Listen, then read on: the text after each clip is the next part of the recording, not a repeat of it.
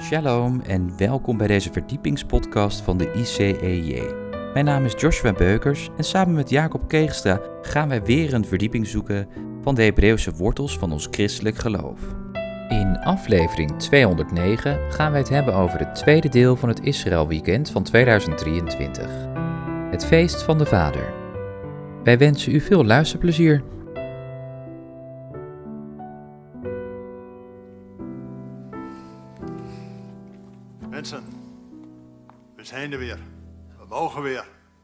Gewoon lekker door in zo'n weekend.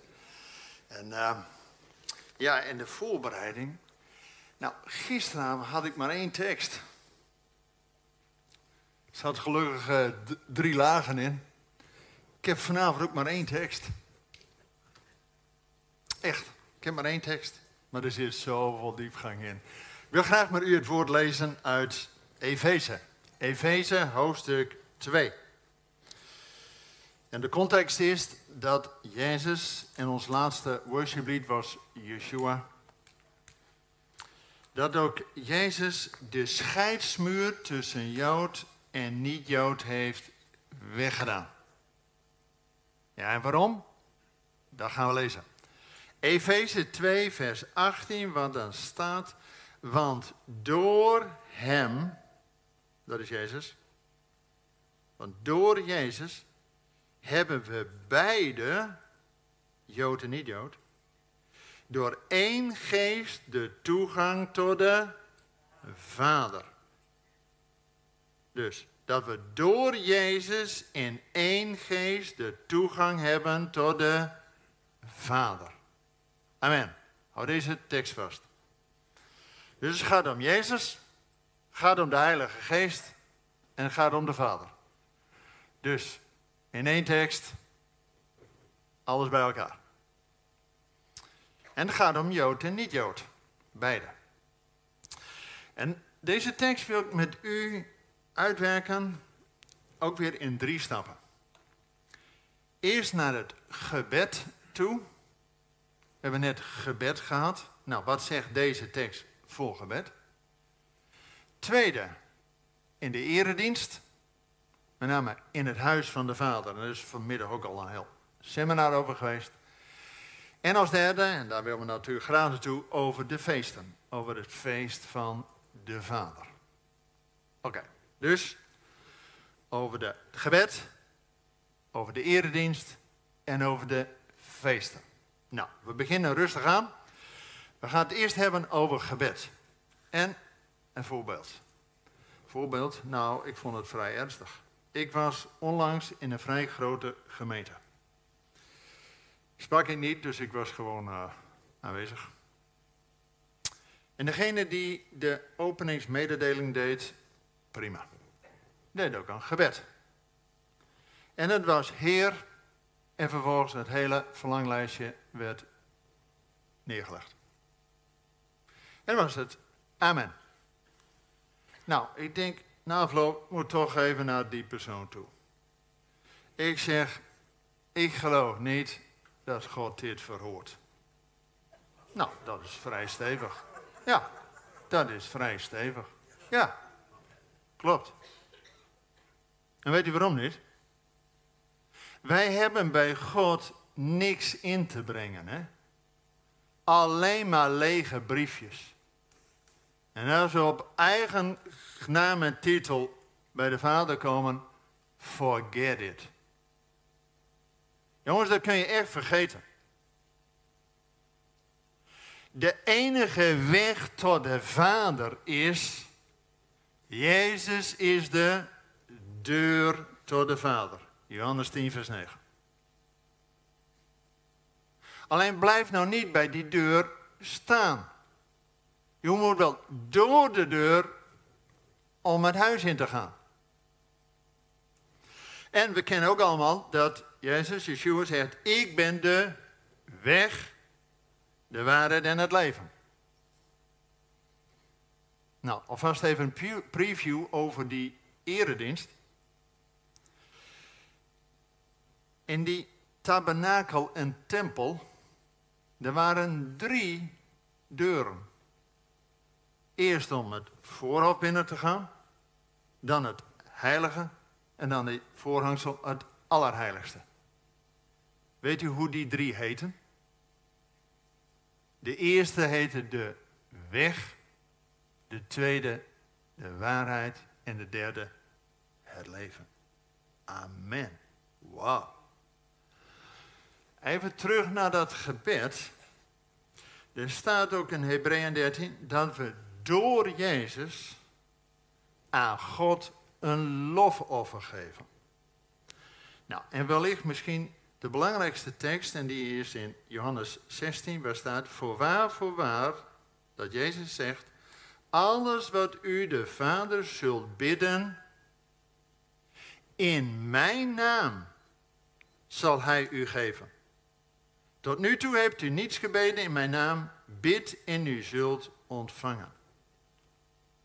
Oké, wat hebben we allemaal nou gezegd? En vanuit Gods woord. Dat we alleen door Yeshua tot de Vader komen. En nergens in de Bijbel staat dat Jezus zegt, bid tot mij. Staat er niet. Dus als de discipelen hem vragen, Heer, leer ons bidden. Wat zegt Jezus dan? Nou, ik ben Jezus, bid maar tot mij. Nee. Staat nergens. Wat leert hij de discipelen? Hij leert hen te bidden, onze Vader. Dus Jezus verwijst altijd naar de Vader. En zelfs dat Jezus zegt, ik kan niets doen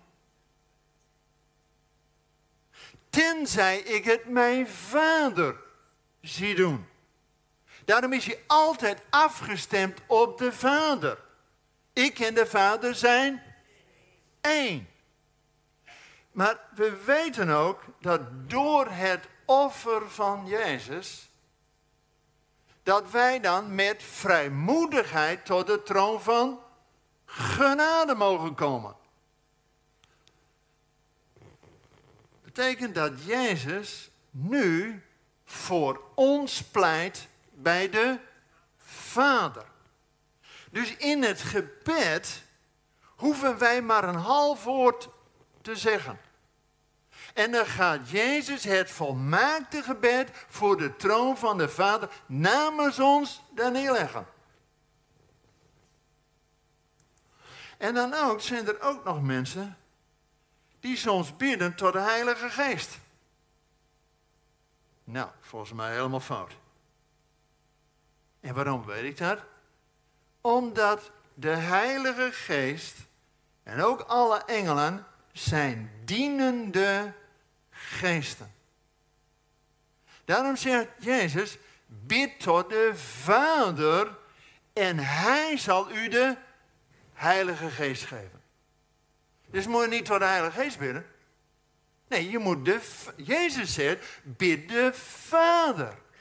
En Hij zal u de Heilige Geest geven. En wat doet die Heilige Geest? Die is hier bij ons en zelfs in ons. En wat doet hij? Vijf dingen. Hij doet ons de woorden van Jezus herinneren, zodat wij kunnen getuigen en wij hoeven alleen maar onze mond open te doen. Getuigen. Nou, dat lukt de meesten nog wel. Maar de Heilige Geest gaat overtuigen. Hoeven wij niet te doen, hè? Dat gaat de Heilige Geest doen. Die gaat overtuigen van zonde, gerechtigheid en oordeel. En de Heilige Geest gaat ons in de volle waarheid brengen en de toekomst ons verkondigen. Vijf dingen. Oké, nou terug naar die tekst uit Efeze 2, vers 18. Dat we door Jezus in één geest tot de Vader gaan. Waarom is het dan ook zo belangrijk dat we in de naam en dus in de autoriteit van Jezus bidden? Dat is om ons gebed bij de Vader te brengen. Uit eigen naam en weet ik het wat, hebben we God niks in te brengen. Lege briefjes. Maar als we bidden in de naam, dus in de autoriteit van Jezus, dan zegt Jezus, ik ben de deur tot de Vader. Daarom is ieder gebed wat een gebed mag zijn, dat we bidden ja, naar de wil van de Vader en in de naam en dus in de autoriteit van de Zoon, zodat de Vader gaat luisteren. Toen ik nog zo'n uh, klein kereltje was, dat is al een paar dagen geleden, toen was er bij ons in het dorp nog lang niet iedereen die een telefoon had. Maar mijn vader vanuit zijn beroep had een telefoon. En soms kwam er dus berichten voor iemand bij ons in de straat, kwam bij ons binnen. En dan, mijn vader nam dat op en die zei tegen mij, ga naar die en die persoon, zeg dat en dat. En zeg erbij, met de complimenten van je vader. Nou, ik, klein ik had geen idee wat complimenten waren. Geen idee. Maar goed, ik ging in opdracht van mijn vader naar die en die, bij ons in de straat, en ik zeg dat en dat. En de complimenten van mijn vader. Later heb ik pas begrepen dat dat een stuk bescherming was. Want die persoon in de straat, die denkt, ja, kan zo'n kereltje wel wat zeggen, maar wie zegt dat? Maar dat, doordat ik erbij zei met de complimenten van mijn vader, betekent het, alles wat ik zeg is geautoriseerd, is op gezag van mijn vader dat ik deze boodschap overbreng. Ik ben alleen maar de messenger. Maar het komt van mijn vader en gaat naar die persoon toe. En zo is Jezus ook vaak de boodschapper. Die namens de Vader ons iets brengt. Hij is het levende woord, het mannen uit de hemel, die vlees geworden is en onder ons gewoond heeft. En de andere kant is dat we door Jezus met vrijmoedigheid tot de troon van de genade van de Vader mogen komen. Dus gebed is pas een gebed. En ik denk dat dat bij die persoon dan in die gemeente gewoon op puur onkunde was. Dus toen ik dat uh, toch vriendelijk uh, verzocht, om toch de volgende keer in de naam van Jezus te bidden, ging dat de volgende keer ook goed. Denk je, nou, je kunt elkaar toch ook opvoeden om te helpen, zodat de Vader luistert naar je gebed. Dat is toch wat je wilt? Je wilt toch niet zomaar al. Eh, nee, je wilt dat het gebed bij de Vader. Dat is de adres. Het adres is bij Hemelse Vader. Daar je wezen. Nou, dat is punt 1. Gebed. En precies in het verlengde hiervan is ook het tweede punt over de eredienst.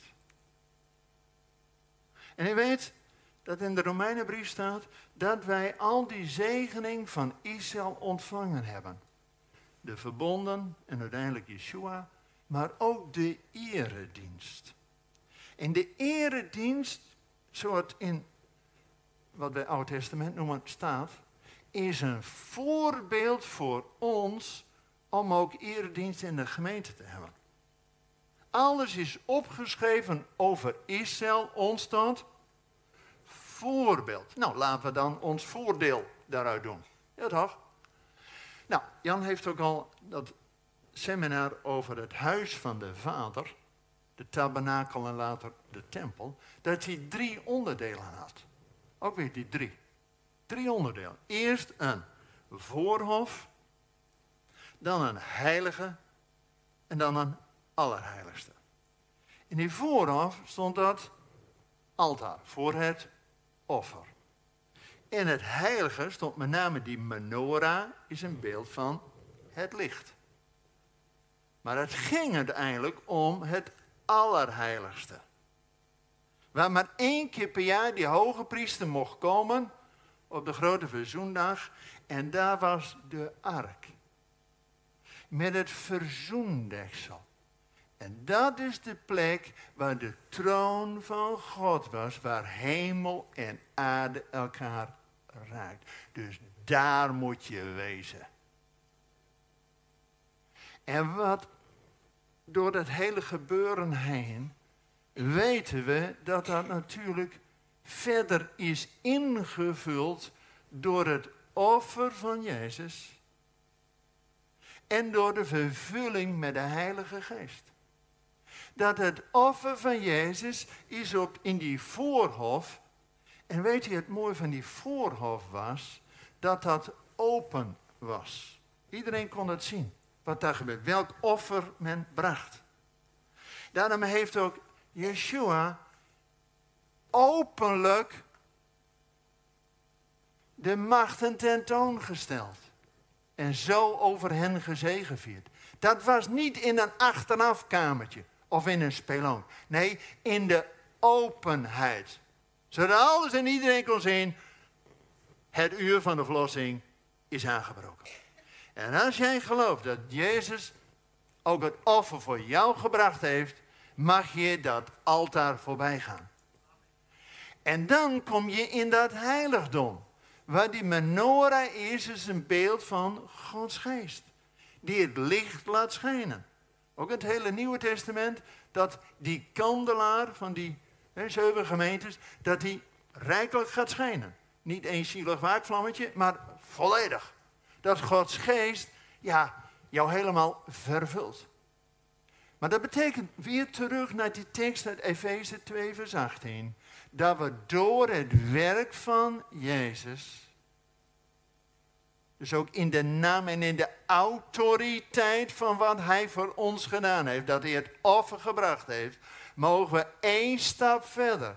En dat is het dat we door Jezus in één geest, dus ook door het werk van de Heilige Geest in ons en door ons heen, dat we uiteindelijk, ja, wat? Dat we niet terugkeren van nou waar we geweest zijn. Nee, we moeten naar het doel. Dat we niet bij die deur blijven staan, maar dat we er doorheen gaan. Dat we door het werk van Yeshua en door de vervulling en inwoning van de Heilige Geest uiteindelijk komen tot het hart van de Vader. Want daar kun je die verzoening krijgen. Dat heet in de theologie de toeleidende genade. Om daar te komen. En als je daar dan bent en die verzoening van God ontvangen hebt. Dat er een woord vanuit de hemel is. Dat het ook aan jou bevestigd is. Dat is voor jou allemaal volbracht. Dan kun je teshuva doen omkering. En dan voordat je weer terug naar huis gaat en de wereld ingaat, wil God jou zegenen weer met diezelfde drie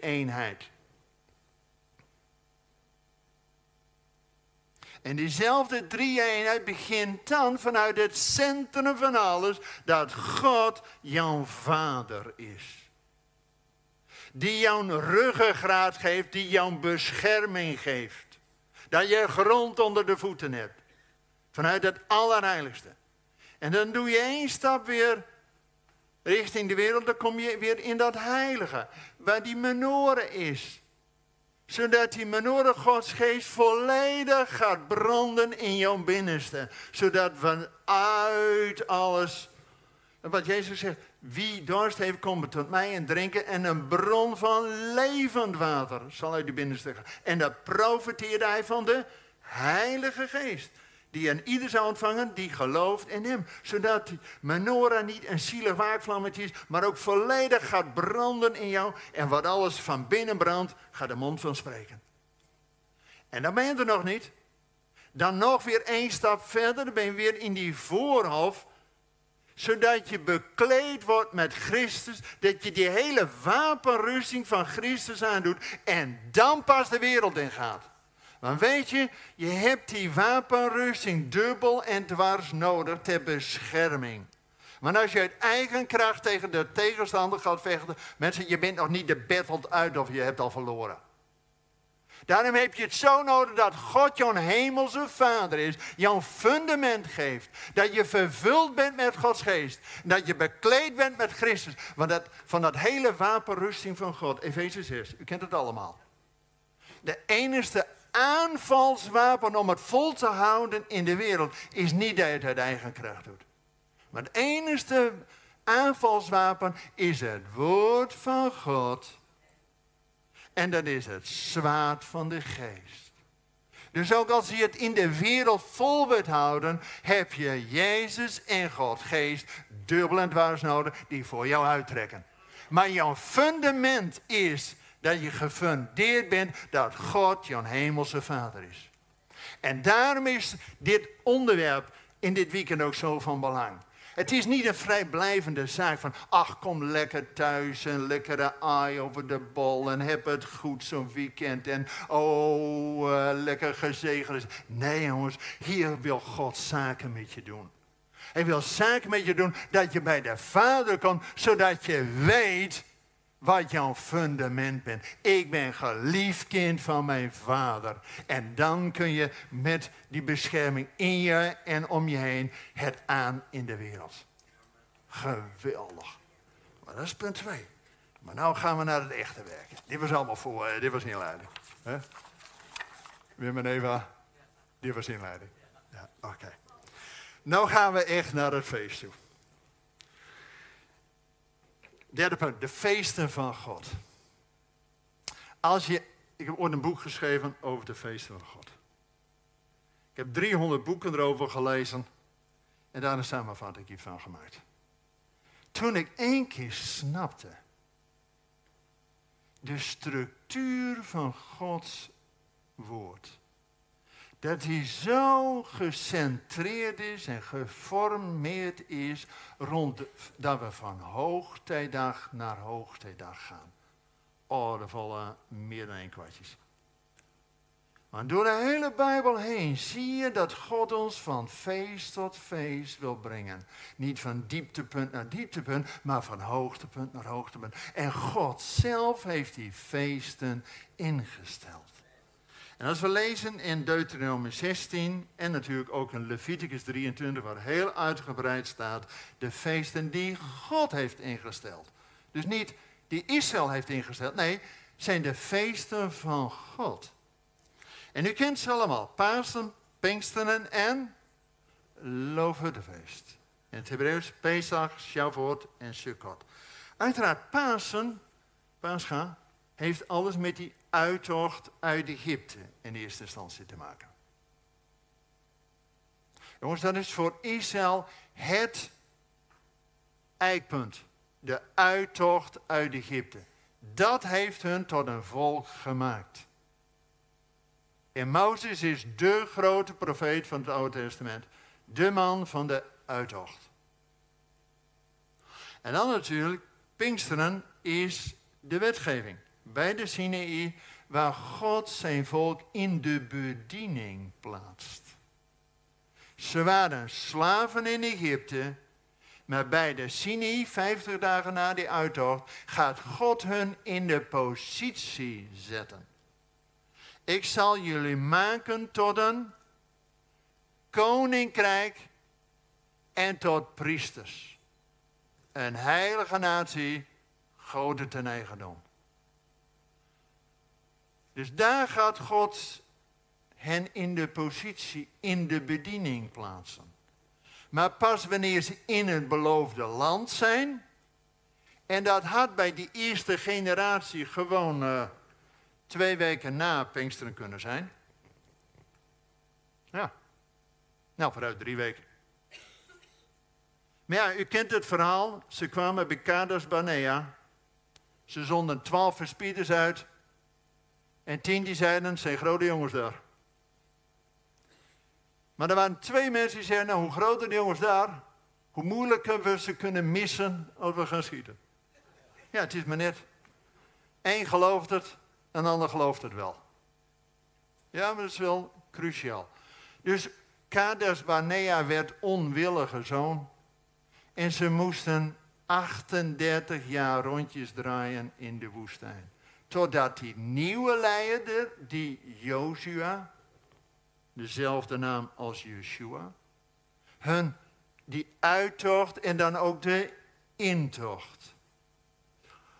En pas in het beloofde land kon ze het derde feest van de Heer vieren, het Loofhuttenfeest. Dat als je weer in het beloofde land in mooie huizen en wijngaarden hebt die je zelf niet hebt geplant, dan wil God dat je één week per jaar weer eruit gaat, weer in tentjes woont, die afhankelijkheid met de eeuwige erkent, zodat je weet dat het God is die jou van uitleiding tot intocht heeft gebracht. Dus God heeft bepaald dat er drie hoogtedagen zijn. Twee in het voorjaar. Pasen valt altijd in het voorjaar. Want Pasen is het begin. Is ook het begin der maanden. Dan is de winter voorbij, het keerpunt, en dan begint in Israël de zomer. Wij hebben eerst nog lente en dan pas zomer, maar in Israël heb je maar winter en zomer. Dus dan is de winter voorbij, de duistere periode, en het breekt door, het licht. En dan vijftig dagen later met Pinksteren breekt het verlicht volledig door. Dus de eerste twee feesten zijn in het voorjaar. Maar het grote feest van de inzameling van de vruchten van alles is pas in het najaar, oktober. Wanneer je de keerpunt hebt dat de zomer voorbij is en de winter aankondigt. Dus God doet alles in het licht. De feesten zijn van begin van de zomer tot het eind van de zomer. En het gekke is dat bij ons in de christelijke gemeente, we kennen wel Pasen als het feest van de zoon. Die natuurlijk voor ons die uittocht uit de zonden heeft gedaan. Begint altijd bij de zoon. Amen. Ook die tekst die we hebben vanavond, Efeze 2, vers 18, dat we door Jezus, door de zoon, daar begint het. Hij is de eersteling. Daar kun je niet omheen. Daar begint het. Dat is het cruciale. Dat is het begin. Dat is niet het eindpunt. Dat vergeten we wel eens.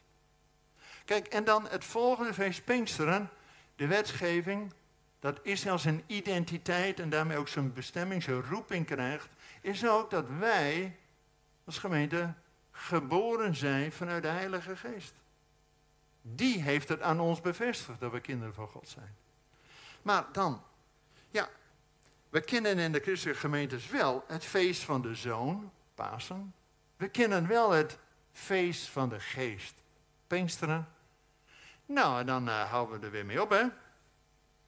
Dan wachten we tot het uh, helemaal eh, donker is in de, in de winter. En dan hebben we zo'n midwinterfeest. Doen we een christelijk sausje over. En zeggen dat Jezus toen geboren is. Nou, de Bijbel zegt iets anders. Het gekke is, wij, als je toch ook vanuit het Nieuw Testament deze tekst hebt, dat we door Jezus in één geest tot de Vader gaan. Mensen, dan missen we toch wat. We hebben wel het feest van de Zoon, we hebben wel het feest van de Geest, maar waar is het feest van de Vader? Zou dat iets te maken kunnen hebben met Pasen, Pinkster en het Loofhuttenfeest? Want bij de Loofhuttenfeest is de inzameling van de Vader. Inzameling van alle vruchten. Als een beeld ook van de inzameling van alle volkeren. En die worden aan het eind van de geschiedenis gedaan. En weet u waar wij naar uitkijken? Dat we natuurlijk het feest van de Vader vieren. En we gisteravond ook al zo dat we genodigd worden de, tot de maaltijd van de Vader. En dan zullen we ook de bruiloft van het lam vieren. Weet u dat Jezus zelf niet weet wanneer hij teruggezonden wordt naar de Vader? Nee. Er staat al, uh, sorry, zou teruggezonden worden naar de aarde. Uh, dat weet alleen de Vader. Ja? Dus Jezus moest naar de hemel gaan om zijn koninklijke waardigheid in ontvangst te nemen. Van wie? Uit de handen van de Allerhoogste. Van God zelf. En dan pas kan hij terugkeren om ook koning over de ganse aarde te worden. Als ook het proces van herstel hier op de aarde volkomen is. Dus God in hemel wacht totdat herstel van alle dingen, zodat hij zijn zoon als bruidegom kan zenden en ook tegelijk als koning. Weet je, het is toch vreemd dat we in de kerk dus wel het feest van de zoon hebben, wel het feest van de geest en dan stoppen we. En ik kom zelfs andere organisaties tegen die ook het Loofhuttenfeest alleen maar uitstellen tot ja, wanneer de Messias komt, dan zullen we dat nog wel eens gaan vieren. Nou, weet u, in Zachariah 14 staat, eenmaal zullen alle volken opgaan naar Jeruzalem om het Loofhuttenfeest te vieren. En de Christuskambassade is 1980 ontstaan als een antwoord dat 13 landen hun ambassades uit Jeruzalem wegdeden. Ook Nederland was de dertiende, de laatste in de rij, die liever de Arabische olie had dan dat wij voor Israël stonden. Dus die ging ook met de staat tussen de benen weg. En er zijn christenen uit verschillende landen, die toen in Jeruzalem op het Loofhuttenfeest waren, zeiden, wij moeten nu een statement maken. Dat we nu een christelijke ambassade te Jeruzalem starten. Jan, was daarbij aanwezig en getuige. En weet u, juist dat Loofhuttenfeest is niet alleen voor de toekomst, toen zullen we nog veel uitgebreider. Maar die feesten zijn bedoeld voor nu om het vol te houden. Waarom viert u altijd avondmaal? Dat vieren we omdat wij, wanneer gij het viert, gedenkt gij de dode zeren komma, zodat hij komt.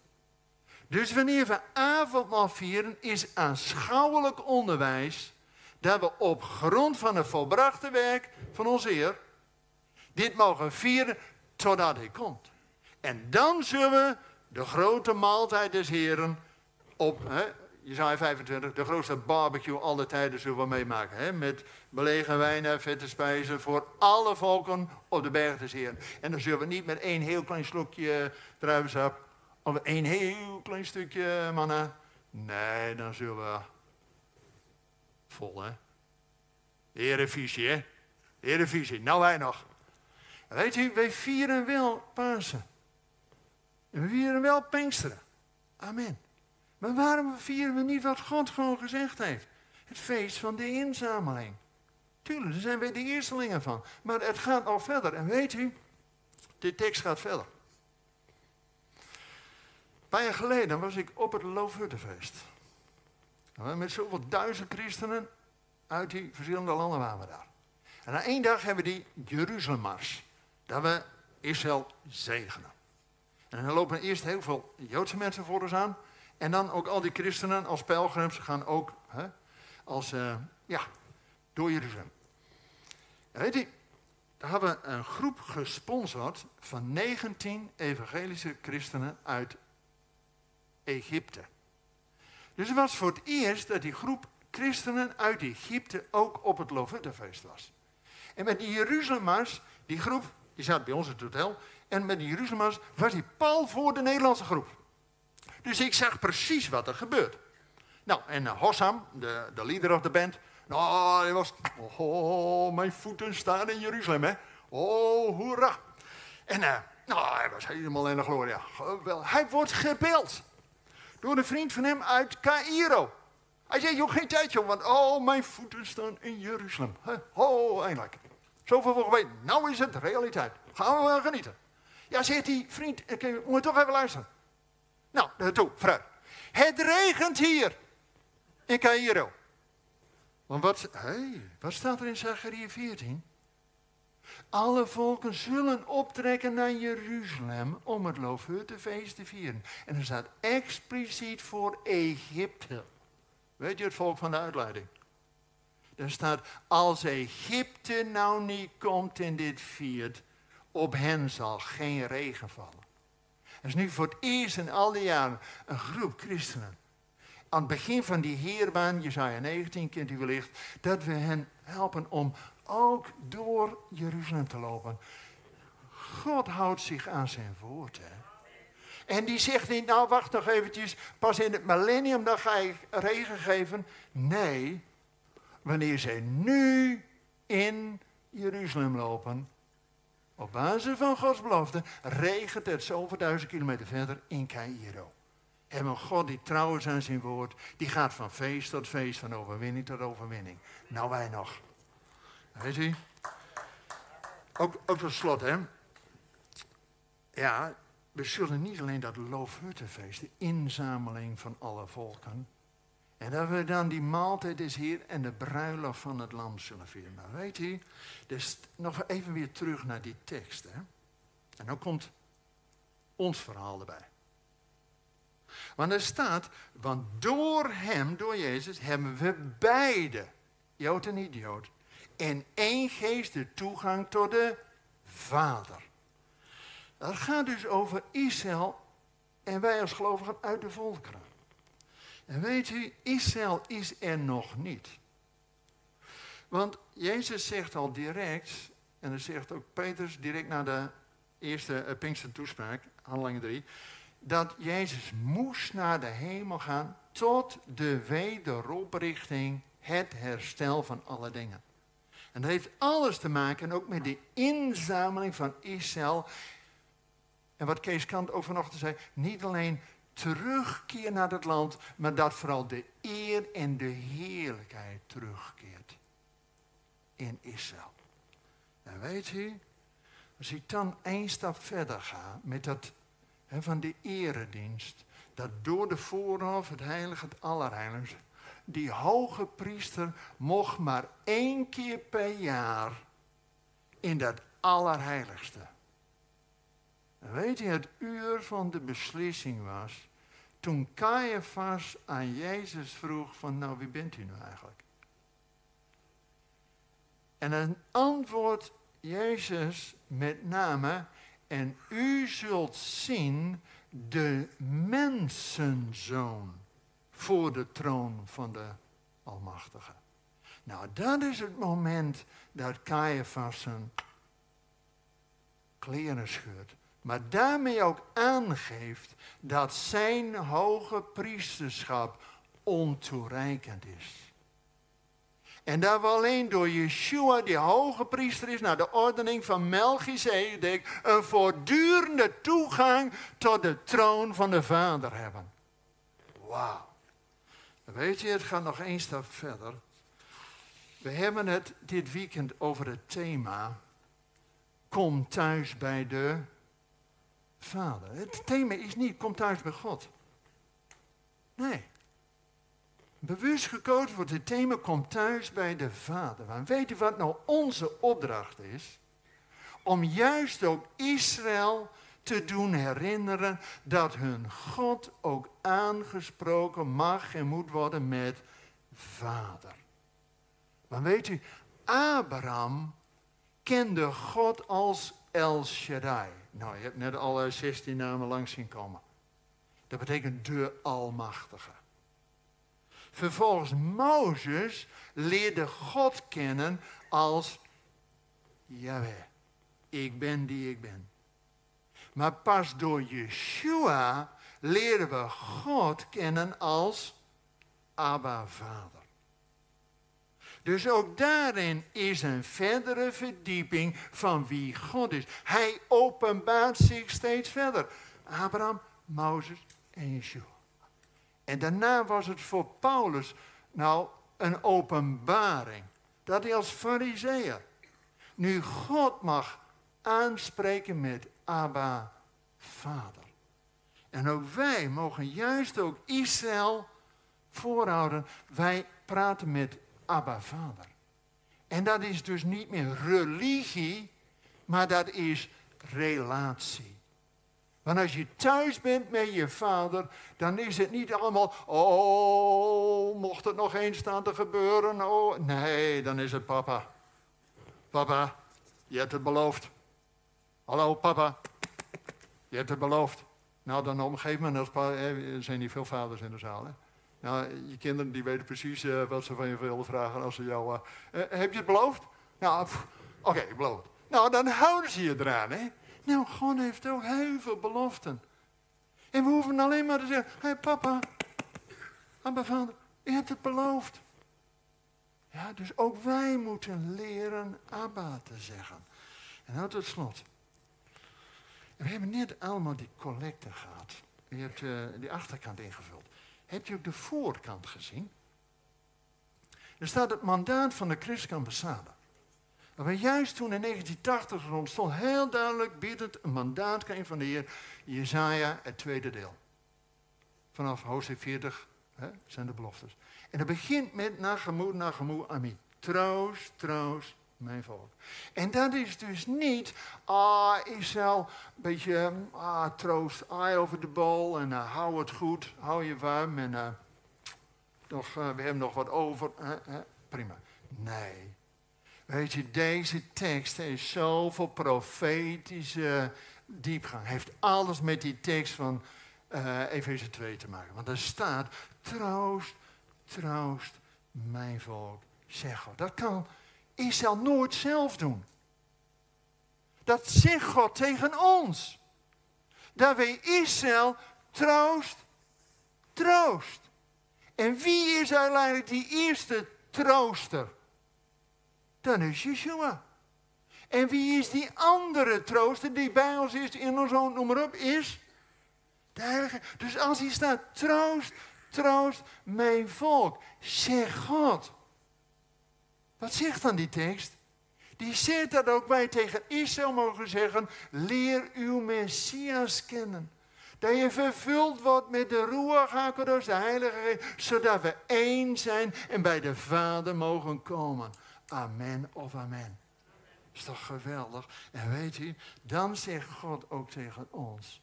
En samen met Israël. En weet, gisteravond ook, en Kees kan vanochtend weer. Hè, de, Jezus kan pas terugkomen. Als hij het licht voor de volkeren is, de heerlijkheid voor Israël en de verlossing van Jeruzalem. Daarom bidden we voor de vrede van Jeruzalem, dat die vredevorst zijn intocht kan. De eerste keer kwam Jezus en die werd door de zijnen niet herkend en verworpen. Dat was het plan van God.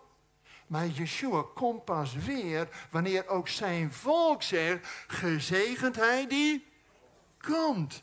Dus wanneer wij samen met Israël de rode lopen voor koning Jezus uitleggen en samen met Israël zeggen, gezegend hij die komt. En dan zullen we het feest van de Vader vieren. En alles wat we hier doen is stage lopen voor de eeuwigheid. Zodat God ook tegen ons mag zeggen, gij goede en getrouwe knecht. Ga in tot het feest van uw Vader. Zullen we vragen aan de band om ons daarin te leiden? En dan wil ik u met u eerst gaan bidden. Ja, want uh, er is weer zoveel, maar het is eigenlijk maar één tekst, hè in honderd uh, varianten. Het is maar één tekst. Efeze 2 vers 18. Dat we door Jezus in één geest tot de Vader komen. Dat zie je in de dienst, dat zie je in de feesten, dat zie je in de hele structuur tot aan de troost toe. Dat we door die eerste troost en andere troosten Gods volk bij de Vader mogen brengen. Mensen, we hebben een taak. Zullen we daarvoor bidden? Vader in de hemel, glorie, glorie, glorie voor u. Dank u wel, Heer, dat het openen van uw woord verspreid ligt. En Vader, we hebben zo de inwoning en de doorwerking van uw geest nodig om te weten hoe laat het is.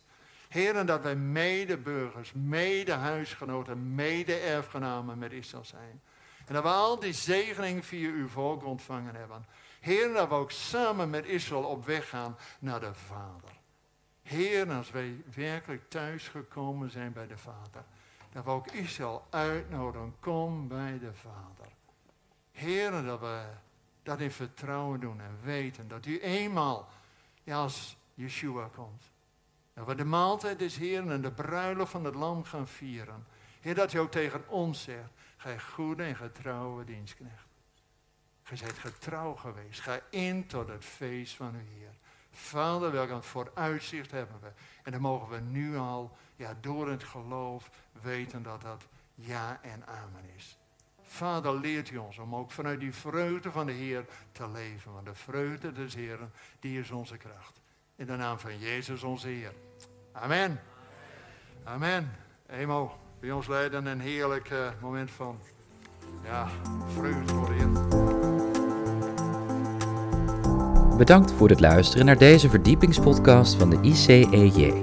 Waardeert u onze podcast? Steun ons dan. Dat kunt u doen door een donatie of door deze podcast te delen met uw vrienden of familie. Ga hiervoor naar icej.nl.